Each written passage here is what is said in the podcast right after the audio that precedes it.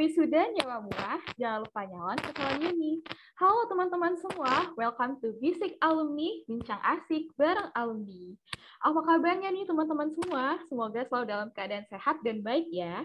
Sebelumnya, kenalin nama aku Gracia Easter Stefani Putri atau yang biasa akrab dipanggil Grace. Aku merupakan mahasiswi Ilmu Kesehatan Masyarakat Unsri, peminatan Biostatistik 2019. Nah, pada kesempatan kali ini, aku akan menjadi host yang akan menemani teman-teman semua dari awal hingga sesi podcast ini berakhir nih. Nah, di Bisnik Alumni episode ketiga ini, mungkin teman-teman udah notice ya, kita bakal sharing-sharing soal peminatan apa. Iya, bener banget. Jadi, kali ini kita akan eh, sharing-sharing seputar peminatan biostatistik nih. Nah, mungkin tanpa berlama-lama lagi, langsung aja ya, karena kita udah kedatangan narasumber kita yang luar biasa keren, di mana beliau adalah alumni dari Peminatan Biostatistik 2015, yaitu Kak Rama Hesa Octavionil SKM. Yeay, halo Kak Rama, welcome to Bisik Alumni. Halo semuanya, salam kenal. Oke, salam kenal juga Kak. Gimana kabarnya nih Kak? Alhamdulillah, baik. Untuk uh, di zaman pandemi kayak gini ya, kayaknya nggak cukup cuman baik doang nih harus sehat, terus juga harus stay happy karena kalau happy, sehat, nanti imunitasnya biar tetap stabil, biar bisa tetap produktif gitu. Grace, apa kabarnya nih? Alhamdulillah kabar baik juga nih Kak. Wih mantep banget, setuju nih sama Kak Kak Ramah kalau di masa pandemi ini memang nggak perlu apa ya sehat fisik, eh, nggak eh, cukup sehat fisik aja gitu ya, tapi juga harus sehat mental gitu ya, sehat sosial juga.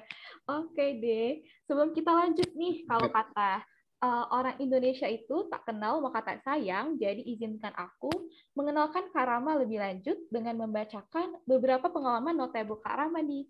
Jadi, Kak Rama saat ini bekerja sebagai Data Manager di Public Health Emergency Operation Center di Subdirektorat Surveillance Kemenkes RI. Kemudian, Kak Rama dulunya juga merupakan uh, intern analis data di Subdirektorat Surveillance dan Subdirektorat Infeksi Emergency Disease di Kemenkes. Nah, gak hanya itu nih teman-teman, Kak Rama juga dulunya pernah menjadi web jurnalis di Kesmas Trip ID, asisten penelitian, asisten dosen, dan masih banyak pengalaman keren lainnya. Wah, teman-teman, keren banget gak sih pengalaman-pengalaman Kak Rama ini? Pasti udah excited banget kan buat denger uh, cerita dari Kak Rama lebih banyak lagi nih. Tapi sebelum itu, mungkin Kak Rama boleh nih memperkenalkan diri dan juga say hi untuk menyapa teman-teman podcast. Oke, okay. thank you Grace. Selamat sore teman-teman semua. Jadi kenalin, aku aku Rama Hesa Octavionil, biasanya itu dipanggil Rama. Uh, dulunya itu kuliah di Fakultas Kesehatan Masyarakat Universitas Sriwijaya dan kebetulan peminatannya itu uh, kalau dulu sih epidemios masih gabung ya epidemiologi dan biostatistik. Mungkin sekarang karena udah dipisah epidemiologinya tersendiri kemudian juga biostatistiknya juga tersendiri gitu. Aku angkatan 2015 kemudian juga graduationnya tahun 2019 jadi sekitar dua tahun yang lalu gitu selesainya okay, thank you Kak Rama for the introduction. Impresif sekali ya. Jadi uh, mungkin langsung aja nih ya, karena aku sendiri juga nggak sabar banget nih dengar cerita-cerita yang luar biasa dan menginspirasi dari narasumber kita pada hari ini. Oke, okay, Kak Rama, kalau boleh tahu, sekarang Kak Rama lagi sibuk apa aja nih? Oke, kalau untuk sekarang kesibukannya Alhamdulillah masih kerja ya sebagai data manager di Public Health Emergency Operation Center atau biasa kita singkat dengan PHEOC itu di Subdirektorat Surveillance uh, Kementerian Kesehatan gitu. Jadi sama juga apa ya baru-baru ini sih masih ikut terlibat dalam beberapa kegiatan yang related to COVID-19 disease gitu. Ada yang misalkan untuk uh, pelacakan kontak bagi tracer ataupun untuk penyelidikan epidemiologinya. Jadi gitu untuk uh, kesibukannya akhir-akhir ini. Wah, keren banget. Iya, ya. Oke. Oke, keren, keren. Oke, jadi mungkin kita lanjut ya, Kak. Aku mau ajak Kak flashback sedikit nih. Aku penasaran nih, gimana sih cerita awal Kak Rama memilih peminatan uh, Epid dulu, dan apa sih yang membuat kakak memilih peminatan ini? Oke, jadi dulu awalnya karena kita itu kan pernah belajar uh, ilmu dasar ini ya, kesehatan masyarakat ya. Kalau nggak salah itu di semester pertama nih, dasar-dasar ilmu kesehatan masyarakat. Nah, Kayaknya Grace juga udah belajar ya di semester 1 ya, itu benar, kalau salah Introduction of Public Health Science itu kalau nggak salah diajarin sama Ibu Elvi, kalau nggak salah terus sama Ibu Imelda dulu kalau zaman kami ya. Nah, terus uh, pada waktu itu kita itu udah dikenali nih sama dosen-dosennya kalau arah dari seorang tenaga kesehatan masyarakat nantinya itu tugasnya sebagai tenaga promotif dan juga preventif yang mana subjek kita itu adalah masyarakat secara luas secara um, dengan cakupan yang lebih luas dan kita itu bukan hanya tentang uh, individu subjeknya. Jadi subjek kita itu cakupannya lebih luas uh, masyarakat. Dan juga uh, arah dari kegiatan uh, seorang kesmas itu uh, karena tugasnya adalah preventif untuk mencegah. Jadi uh, gimana caranya kita untuk mencegah kejadian suatu penyakit itu berarti kita uh, menganalisis dulu nih apa saja sih sebenarnya tantangan dari kejadian penyakit di masa yang akan datang gitu. Kita ngumpulin data-data terdahulu, kemudian kita analisis, kita olah menjadi suatu data, suatu informasi yang nantinya berfungsi untuk uh, sebagai pengambil kebijakan nih nanti uh, dari data-data yang kita siapkan nanti bisa jadi suatu langkah mitigasi ataupun langkah penanggulangan dari suatu kejadian penyakit di masyarakat. Nah, salah satu uh, peminatan yang uh, intens banget nih belajar tentang itu tentunya adalah di biostatistik dan juga sebenarnya epidemiologi ya karena masih inline. Kalau misalkan epidemiologi kita belajar tentang teori-teorinya, nanti kalau di biostatistik kita belajar tentang pengaplikasiannya. Kita belajar tentang analisis-analisis data yang sudah kita dapatkan dari penyelidikan epidemiologi. Jadi gitu. Makanya oh menarik nih karena Eh, karena sebenarnya ujung tombak dari seorang kesmas, seorang tenaga kesehatan masyarakat itu kan memang menganalisis data, kemudian bagaimana caranya untuk uh, menyerahkan data itu ke pemangku kebijakan sehingga bisa menghasilkan suatu kebijakan yang uh, nantinya uh, dapat bermanfaat untuk uh, banyak orang, untuk masyarakat sekitar, kemudian juga bisa uh, melakukan suatu mitigasi penyakit dan lain sebagainya. Dan itu karena related banget sama uh, biostatistik jadi itu makanya kakak pilih dulu peminatannya biostatistik gitu. Oke, keren banget nih kak pembahasannya. Memang benar banget ternyata uh, poin dari peminatan itu memang menjadi seseorang yang data driven ya kak jadi bisa mengubah Betul. data menjadi informasi sehingga informasi ini bisa digunakan untuk membuat suatu keputusan ini Betul. nih kak oke okay. next on kalau gitu seperti yang kita tahu nih ya kak peminatan BIOS ini kan menarik banget karena identik dengan data statistik uh, software gitu nah kalau dari kak Rama sendiri di BIOS ini uh, kita belajar apa aja sih kak Oke. Uh, di BIOS, di biostatistik itu tentunya kita belajar tentang cara menganalisis data. Kalau di semester 5 itu kalau nggak salah ada mata kuliah tentang manajemen analisis data satu ya.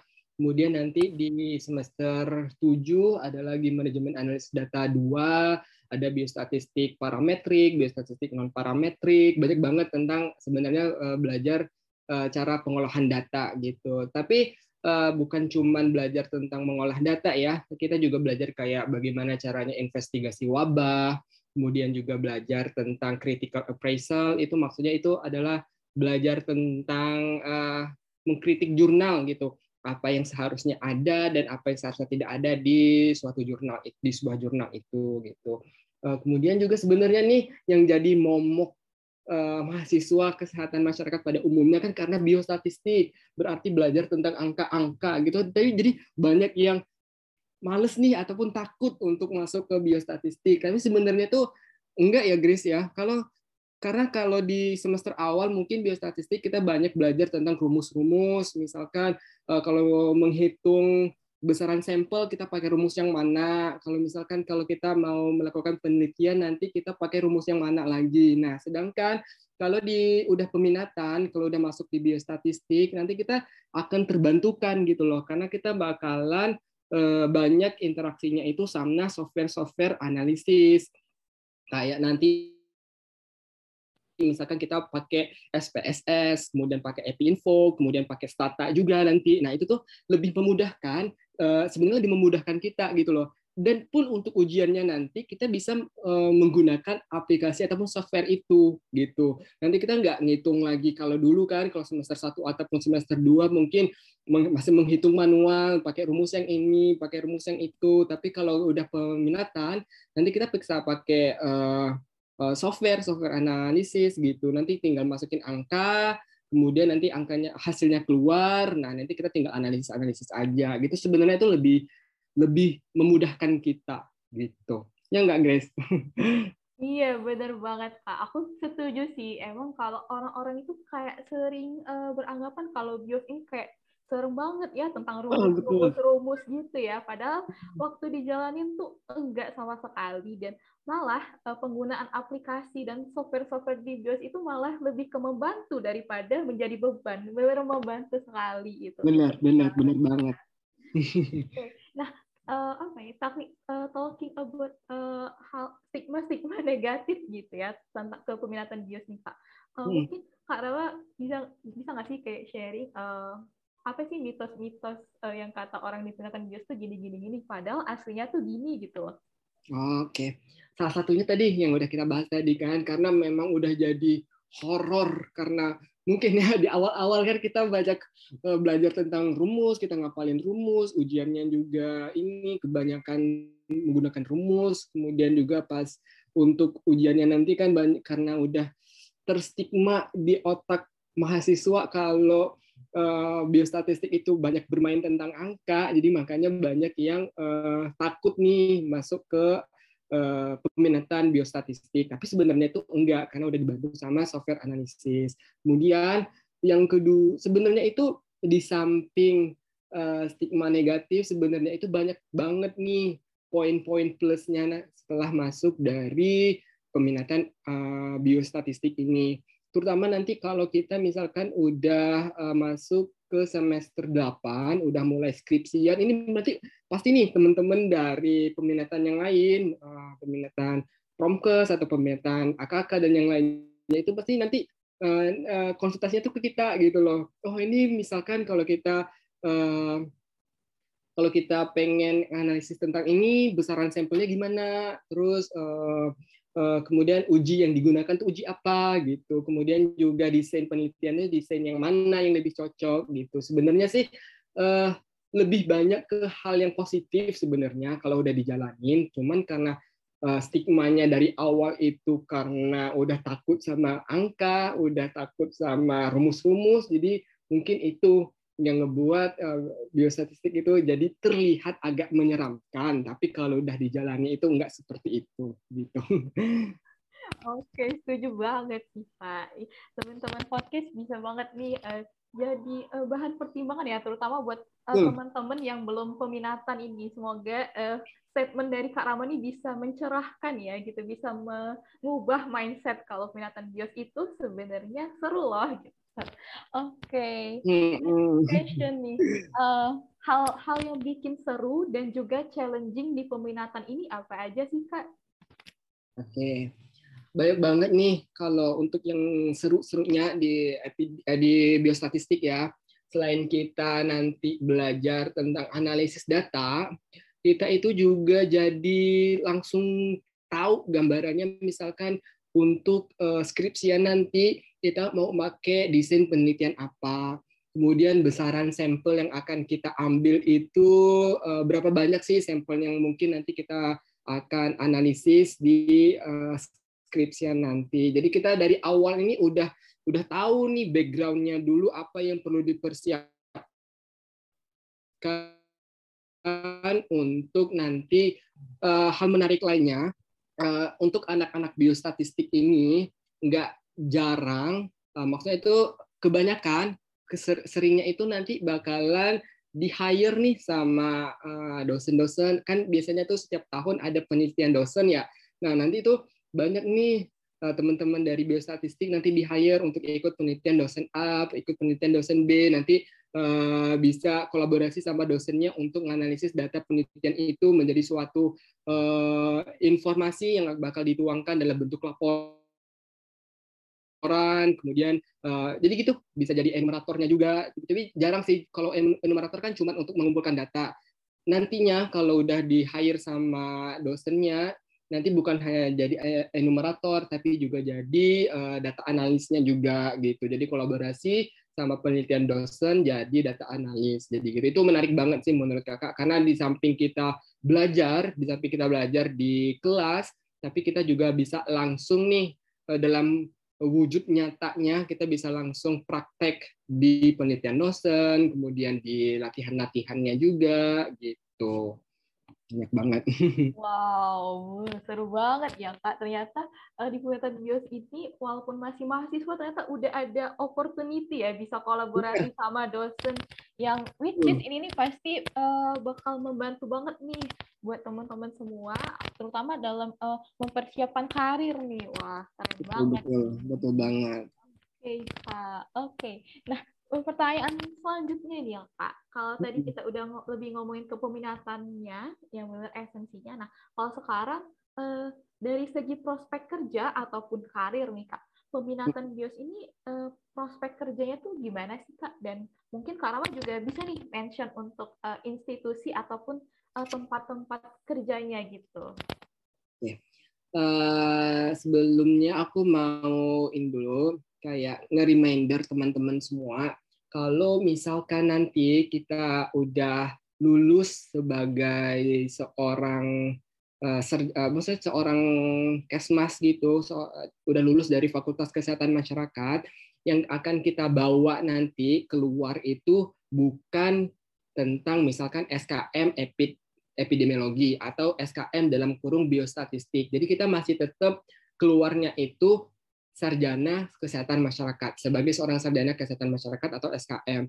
Nah, untuk masalah uh, biostatistiknya, kemudian epidemiologi atau promosi kesehatan dan lain sebagainya itu cuman uh, peminatan yang kita pilih pada saat kita belajar sebagai seorang uh, kesmas gitu. Nah, untuk uh, kalau mau diterperinci sebenarnya uh, prospek kerja dari seorang sarjana kesehatan masyarakat itu banyak banget. Uh, kita nggak uh, ini kalau dinas kesehatan ataupun puskesmas pasti teman-teman udah pada tahu ya kalau di sana itu pasti bakalan ada uh, bakalan uh, nge-hire kita maksudnya kita bakalan punya tempat di dinas kesehatan ataupun di puskesmas tapi uh, di sisi yang lain apalagi ini khususnya untuk biostatistik kalau misalkan ingin Eh, bekerja selain di dinas kesehatan ataupun di uh, puskesmas bisa juga kerjanya di Kementerian Kesehatan. Kemudian juga bisa kerjanya di kantor kesehatan pelabuhan, bukan hanya kerjanya di pelabuhan aja, tapi juga bisa kerjanya itu di bandara, di airport. Kemudian juga teman-teman misalkan juga bisa kerjanya kalau dari NGO kalau mau kerja di NGO itu bisa kerjanya di WHO nah itu banyak banget tuh uh, nge-hire uh, orang-orang uh, apalagi di peminatan biostatistik untuk analisis data-data kesehatan di Indonesia itu di WHO banyak banget nge-hire uh, tenaga-tenaga yang analis data Kemudian juga NGO yang lain itu teman kakak itu ada yang di Center for Indonesia Strategic Development Initiative ataupun Eh, singkatannya itu CISD. Nah, itu juga tentang analis data juga, gimana caranya ngambil kebijakan juga, itu bisa juga di sana. Eh, kemudian juga misalkan kalau teman-teman nggak mau di NGO atau misalkan mau di perusahaan, itu banyak banget juga yang eh, terkait dengan analis data.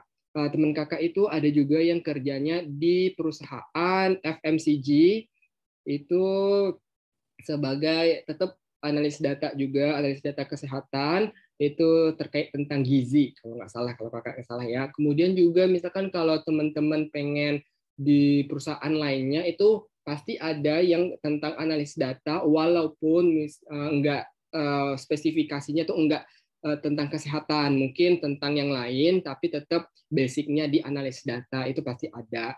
Jadi kalau misalkan teman-teman ingin uh, tahu prospek kerja yang lainnya juga, teman-teman bisa sering-sering nih ataupun mulai dari sekarang penting banget untuk buat uh, akun kayak LinkedIn, nanti bisa buat tuh bisa lihat uh, prospek kerja yang seorang sarjana kesehatan masyarakat yang sekarang ini lagi dibutuhin itu apa aja gitu. Kemudian juga uh, buka di buka aplikasi uh, platform mencari kerja yang lain juga. Tapi untuk uh, yang bisa kakak mention sekarang itu itu tadi uh, untuk uh, prospek kerja dari biostatistik seorang uh, analis kesehatan gitu okay, thank you. Keren banget ternyata prospek kerja dari penelitian biostatistik ini luas banget ya. Dan bahkan aku juga kaget karena uh, bisa ada uh, possibility kerjanya itu di perusahaan kayak FMCG gitu. Walaupun yang uh, tidak terlalu spesifik ke kesehatan, ternyata masih ada peluangnya ya kak. Wah Betul. keren banget nih. Uh, ini uh, juga mau ini deh, uh, Grace. Maksudnya kakak itu kita jangan mempersempit ruang uh, pikiran kita. Maksudnya jangan mempersempit pandangan kita tentang uh, pekerjaan sebagai seorang sarjana kesehatan masyarakat. Karena di dinas kesehatan ataupun di puskesmas itu udah pasti nih kerjaan kita di sana pasti ada, pasti uh, kita punya tempat di sana gitu. Kita bisa mencari sebanyak-banyaknya informasi tentang apa namanya ya tentang opportunity kita itu bisa kerjanya di mana aja gitu. Karena pekerjaan itu kan nggak datang sendiri ya kita harus cari uh, informasinya bisa ngubungin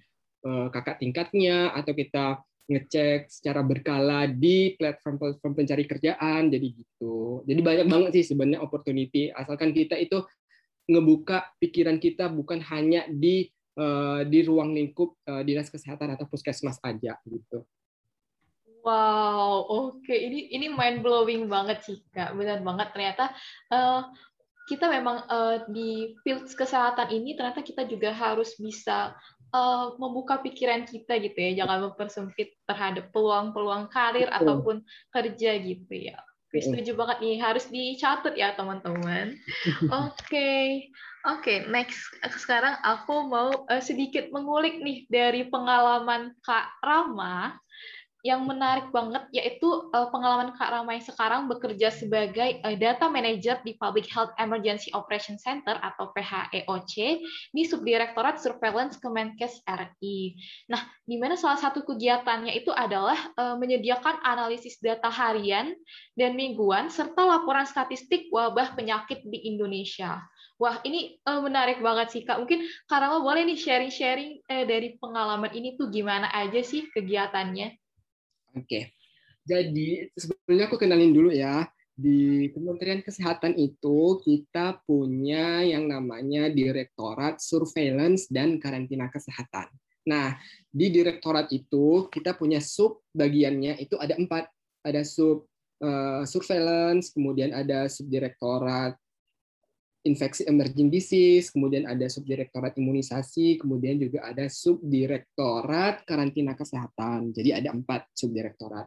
Jadi misalkan nih ke teman-teman kalau mau uh, magang, mau internshipnya, misalkan kalau ada ketertarikan mau internship ke Kemenkes, apalagi yang jurusan biostatistik sama epidemiologi, bisa banget nih join di ataupun magangnya tuh di Eh, Direktorat Surveillance dan Karantina Kesehatan. Selain itu, untuk eh, teman-teman yang di biostatistik, bisa juga magangnya nanti di Kemenkes di bagian pusat data dan analisis kesehatan ataupun pusdatin. Nah, itu lebih terkait sama sistem informasi kesehatan. Kebetulan juga di biostatistik kan kita juga sedikit banyaknya belajar tentang sistem informasi kesehatan kan. Nah, di sana kita juga bisa teman-teman biostatistik bisa magang di sana juga.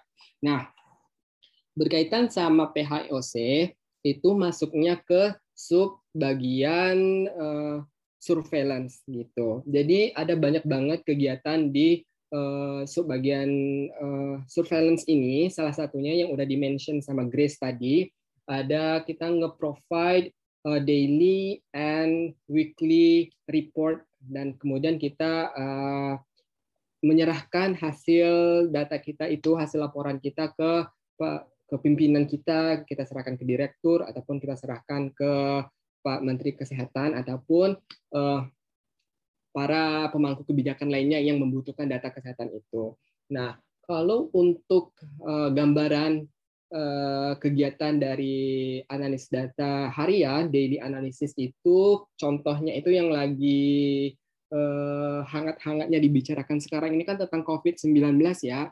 Jadi setiap hari kita pasti uh, memprovide data tentang uh, kasus COVID-19 di Indonesia, gimana perkembangannya hari ini, kasus konfirmasinya ada berapa, kasus meninggalnya ada berapa, kasus sembuhnya ada berapa. Kemudian kita analisis perkembangan kasusnya ini apakah meningkat dari hari sebelumnya, apakah hari ini kasus sembuhnya lebih tinggi, kemudian apa yang uh, menjadi temuan nih di suatu provinsi, oh ternyata di provinsi A ada uh, peningkatan kasus yang signifikan, nanti kita analisis karena kenapa di provinsi itu bisa terjadi peningkatan kasus. Nah, itu untuk uh, analisis hariannya kita buat jadi laporan uh, laporan harian.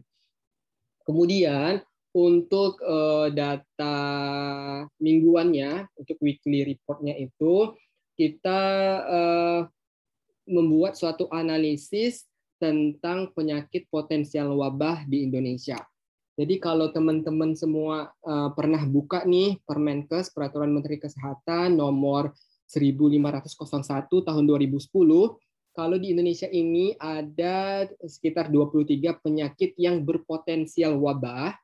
Jadi setiap minggunya kita perlu nih melakukan monitoring, perlu melakukan evaluasi tentang perkembangan penyakit 23 penyakit berpotensial wabah di Indonesia ini kita buat dalam bentuk uh, kita buat analis datanya, gimana perkembangan kasus mingguannya, kita analisis mana yang perlu menjadi perhatian dan kita tindak lanjuti gitu biar penyakit-penyakit ini enggak mewabah di uh, daerah tersebut biar enggak meluas walaupun udah terjadi misalkan udah terjadi wabahnya biar enggak meluas ke daerah yang lain jadi gitu. Jadi kita perlu melakukan uh, analisis data secara mingguan juga selain kita melakukan analisis secara hariannya jadi gitu okay, thank you Kak. Wah, keren banget penjelasannya, sangat-sangat enlightening gini ya. Keren banget emang.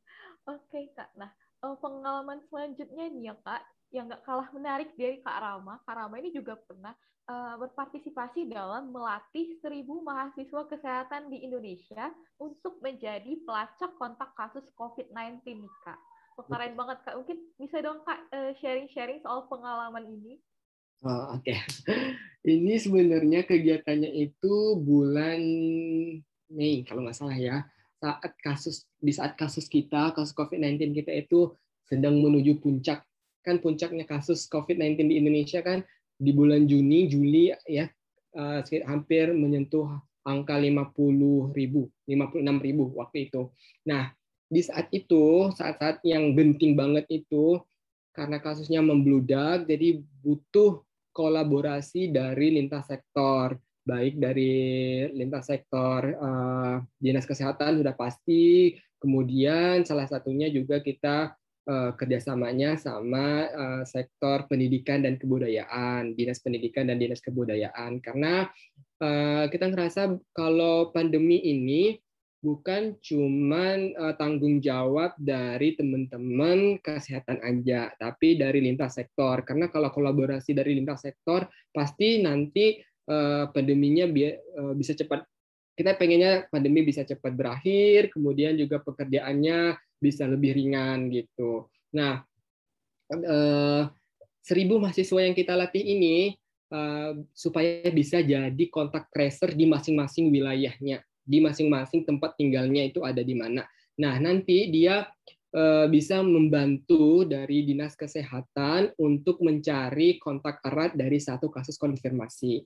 Jadi kita ajarin nih gimana caranya mencari kasus konfirmasinya, kemudian eh, gimana caranya mewawancara kasus konfirmasi itu biar bisa mendapatkan informasi nih dia itu pergi ke mana aja sebelum dia sakit, sebelum dia terpapar COVID-19, sebelum dia positif gitu. Nanti ketemu sama siapa aja setelah kita wawancara ataupun setelah kita uh, tanyain nih si kasus konfirmasinya, kemudian kita dapat kontak eratnya, kemudian kontak eratnya itu kita pantau selama uh, beberapa hari. Uh, maksi, um, kalau misalkan dia bergejala, itu biar kita kalau pada saat pemantauan kalau dia bergejala nanti bisa kita rujuk ke rumah sakit ataupun ke fasilitas kesehatan lainnya. Kalau memang dia nggak bergejala dia tidak menunjukkan gejala apa pun dia bisa diisolasi mandiri di rumah di karantina mandiri di rumah gitu. Yang penting kita bisa melakukan pemantauan terhadap uh, kontak erat itu. Nah seribu mahasiswa kesehatan ini bukan hanya terdiri dari mahasiswa kesehatan masyarakat aja nih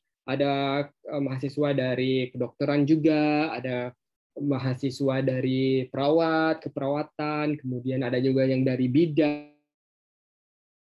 Nah, jadi kalau uh, semuanya bisa berkolaborasi, nanti harapannya kejadian ataupun permasalahan COVID di Indonesia biar bisa tepat selesai gitu. Jadi pentingnya kolaborasi dengan lintas sektor, terutama dari um, mahasiswa, karena mahasiswa ini kan masih fresh-freshnya nih, apalagi mahasiswa kesehatan kan ilmunya itu pasti uh, banyak banget nih, biar bisa langsung diterapin uh, di uh, masa pandemi ini, biar bisa uh, ikut berpartisipasi uh, dalam menangani pandemi di Indonesia. Jadi gitu.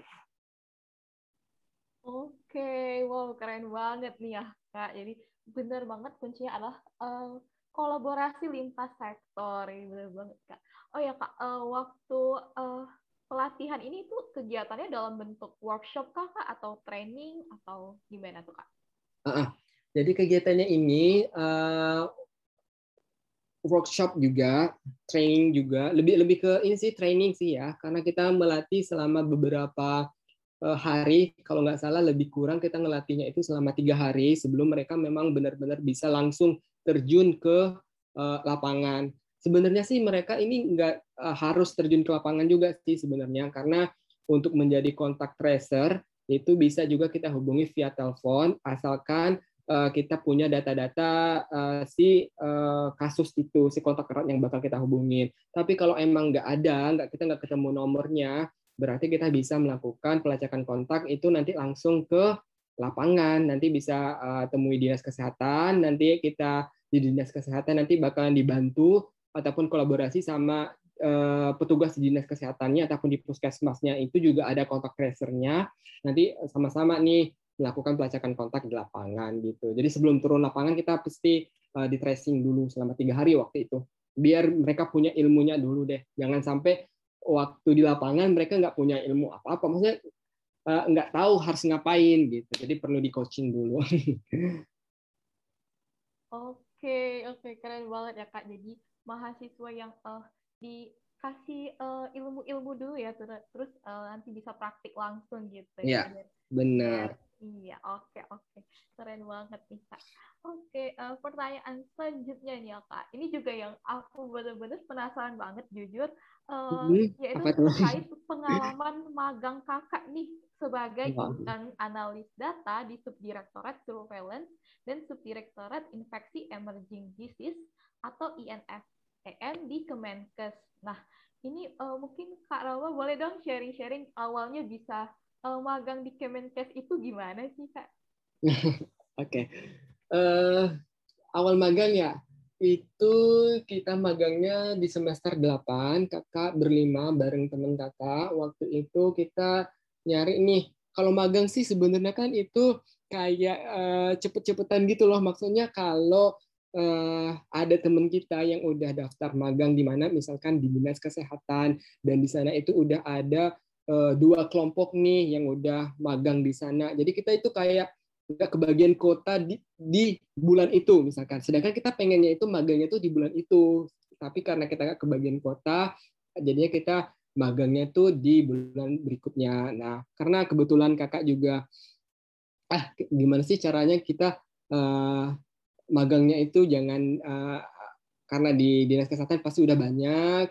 Kemudian juga mungkin di puskesmas di sekitaran uh, Palembang organ ilir juga mungkin banyak juga yang udah uh, daftar di sana. Kenapa enggak nih kita coba uh, magangnya tuh di Kemenkes aja gitu. Kita cari uh, opportunity yang lebih nih di Kemenkes. Gimana sih uh, caranya uh, untuk bisa kerja di Kemenkes itu gimana gitu budaya kerjanya gimana gimana juga mereka dalam mempersiapkan laporan-laporan ataupun diseminasi datanya ke Menkes atau ke pemangku kebijakan yang lainnya juga. Nah, gimana enggak kita uh, magangnya tuh di Kemenkes aja. Nah, karena udah ketemu kelompok yang klop juga, udah satu visi misi, udah ini sama-sama mau mencoba dulu nih. Kuncinya mencoba dulu nih.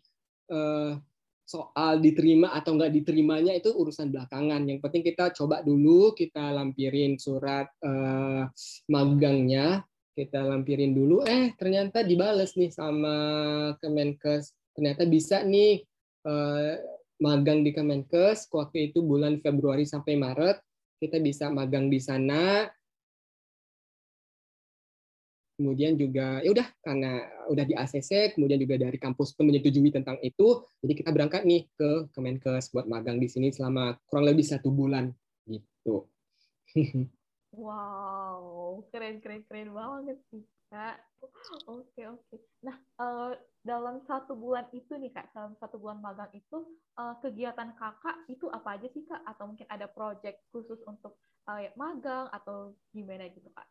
Oke, uh, karena kalau di kementerian itu kan kita lebih banyak uh, membahas ataupun kerjaannya itu lebih ke uh, mempersiapkan laporan, kemudian juga mungkin kalaupun ada proyek-proyek nanti kayak kemarin itu proyeknya adalah uh, di rumah sakit uh, Sulenti Saroso di sini di RSPISS. Jadi kita itu ngebuat suatu uh, sistem pelaporan uh, karena kita kan juga punya suatu aplikasi ya yang namanya itu adalah aplikasi uh, e-wars. Nah, e-wars itu adalah kalau bahasa Inggrisnya bahasa Indonesia-nya itu di bahasa Indonesia kan ada sistem kewaspadaan dini dan respon. Nah, kita menghubungkan gimana sih pelaporan dari rumah sakit itu biar bisa masuk ke uh, sistem itu. Nah, itu salah satu uh, project yang kebetulan itu kita uh, diikut sertakan untuk bisa berkecimpung di sana. Yang kebetulan baru sekarang ini bisa terrealisasi gitu. Kalau kemarin sih cuman persiapan-persiapannya aja, ngedata rumah sakit mana yang bisa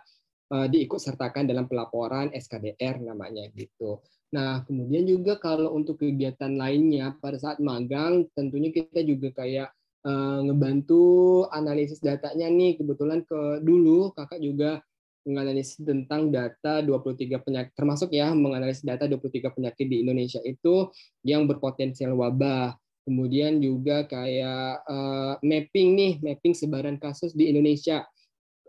Kemudian kita lihat nih daerah mana yang penyakitnya itu ternyata Oh, banyak banget nih penyakit apa sih misalkan difteri atau penyakit diare oh di sini ternyata tumpukan penyakitnya itu banyak banget kita buat mappingnya kemudian nanti setelah kita buat mappingnya gimana caranya agar penyakit itu tuh uh, enggak menyebar ke daerah sebelahnya ataupun di daerah sekitarnya gitu. Kemudian uh, kita buat analisis statistik tentang uh, gimana sih perkembangan penyakit di Indonesia ini gitu loh. Nanti eh, kalau udah dibuat pastinya nanti kita serahkan dulu nih ke eh, kalau di Kemenkes itu kan kita, waktu kita magang kan kita punya kayak PJ magangnya gitu loh dosen-dosen lapangannya.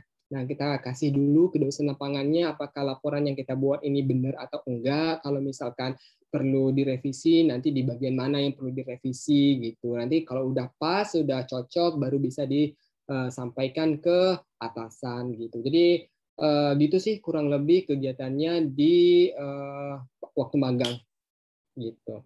Wah, keren banget ya kak. Wah, jadi so pengen deh. Oke kak, uh, mungkin ya kak di sini teman-teman podcast tuh pasti ada deh yang bermimpi nih buat magang di Kemenkes. Nah, aku hmm. pengen tanya dong Kak, kalau untuk kesempatan magang di Kemenkes sendiri itu apakah hanya untuk peminatan bio saja atau terbuka untuk semua peminatan ya Kak? Oke, kalau untuk di eh, Kementerian Kesehatan, kalau misalkan teman-teman ini mau mau magang di sini, udah udah pasti backgroundnya harus dari uh, kesehatan dulu nih, harus uh, mahasiswa kesehatan. Misalkan biostatistik nih, magangnya pengen di Kementerian Kesehatan, nanti bisa buka websitenya nanti di Direktorat uh, Surveillance atau mungkin di uh, Pusdatin, Pusat Analisis Data Kesehatan. Kemudian kalau Adapun untuk yang lain-lainnya selain dari biostatistik pasti ada di Kemenkes asalkan backgroundnya teman-teman itu kesehatan gitu. Nanti bisa di, dicocokkan dengan eh, bagian-bagian yang ada di Kemenkes gitu. Untuk promosi kesehatan ada bagian promosi kesehatan. Kemudian untuk bagian apalagi misalkan uh, untuk bagian epidemiologi ada juga. Kalau biasanya epidemiologi dan juga biostatistik itu di satu subjek yang sama biasanya ya di satu bagian yang sama karena kerjaannya itu hampir mirip-mirip gitu. Kemudian uh, pokoknya itu disesuaikan aja dengan background teman-teman itu uh, sekarang ini lagi di penjurusan apa, kemudian nanti tinggal dicocokkan aja dengan eh, bagian-bagian yang ada di kementerian gitu. Oke, berarti uh, tidak menutup kemungkinan ya kak untuk uh, peminatan apa pun selagi masih uh, dari uh, kesehatan gitu ya kak. Mm -hmm. Masih bisa, iya. Oke Oke, oke, oke, oke, noted nih kak. Nah, kalau uh, kira-kira nih kak, ada nggak sih kak tips dan trik dan mungkin apa aja yang harus dipersiapkan de, uh, sedini mungkin nih kalau kita pengen magang di Kemenkes nih kak, mungkin bisa sharing-sharing kak. Untuk syarat-syarat khusus biar bisa magang di Kemenkes sih nggak ada yang terlalu ribet asalkan proposal yang teman-teman ajuin itu tujuannya jelas mau magang di subdit apa mau magang di bagian apa, kemudian output teman-teman setelah magang itu apa, itu dicantumin di di ini di uh, proposal magangnya. Kemudian juga jelas nih dalam kurun waktu berapa lama magangnya di sini. Kemudian juga uh, dari bulan apa, dari bulan apa, kemudian dijelasin kayak timeline kegiatannya itu apa aja sih? Selama misalkan kalau teman-teman magangnya selama satu bulan nah teman-teman cantumin nih di proposalnya selama satu bulan itu teman-teman bakal ngapain aja di Kemenkes gitu. Nanti dibuat kayak timelinenya hari ini misalkan kegiatannya apa gitu hari ini kegiatannya apa. Nah pastinya itu teman-teman sebelum ngebuat timelinenya berarti teman-teman tuh harus nge-research dulu di uh, subdirektorat itu atau di bagian itu uh, kegiatannya itu uh, apa aja sih itu pasti ada tuh uh, penjelasannya di di website Kementerian Kesehatan. Nah boleh tuh teman-teman bisa lihat dari sana, kemudian disesuaikan, dicocokkan di timelinenya. Kemudian hari ini mau ngapain, hari ini mau ngapain, asalkan tujuannya jelas, timelinenya ada, kemudian output yang bakal dicari setelah uh, didapatkan nih setelah magang itu apa nanti uh, dicantumin di proposalnya. Nah, itu nanti yang bakal jadi dasar pertimbangan untuk bisa magang di Kemenkes. Oke, jadi kuncinya adalah uh, bagaimana kita itu menjelaskan uh, semua planning gitu ya Kak di proposal ya, secara detail mulai dari in, input proses outputnya lah gitu ya. Benar banget, benar. Oke, oke. Ini uh, penting banget nih dicatat buat bisa dipersiapkan uh, dari sekarang ya buat teman-teman yang ingin magang di Kemenkes. Oke okay, kak, oke okay, oke. Okay. Uh, aku ada uh, pertanyaan terakhir nih ya kak ya. Ini kan uh, kak Rama kan dari intern ya. Terus uh, setelah itu Kak Rama menjadi uh, seorang data manager itu tadi data manager di PHEOC. Nah itu kan berarti kayak dari intern terus jadi full timer gitu lah kayak ya, di KWS. Nah itu gimana sih Kak uh, ceritanya? Oke, okay. uh, pada saat kakak uh, uh, wisuda selesai wisuda waktu itu uh, seminggu setelah wisuda, kemudian ternyata uh, ada notif yang masuk nih dari email kalau di Kemenkes ini lagi ada rekrutan uh, staff PHOC posisinya sebagai data manager gitu. Nah, nah ini kesempatan yang menarik banget gitu kan. Apalagi kita juga uh, waktu itu posisinya kakak masih fresh graduate kan. Nah, kenapa enggak sih kakak coba dulu untuk ikut wawancaranya, untuk ikut tesnya. Kemudian kakak ikut tesnya di sini sekitar bulan September kalau nggak salah. Awal September apa akhir ya? Akhir pokoknya akhir Agustus awal September gitu.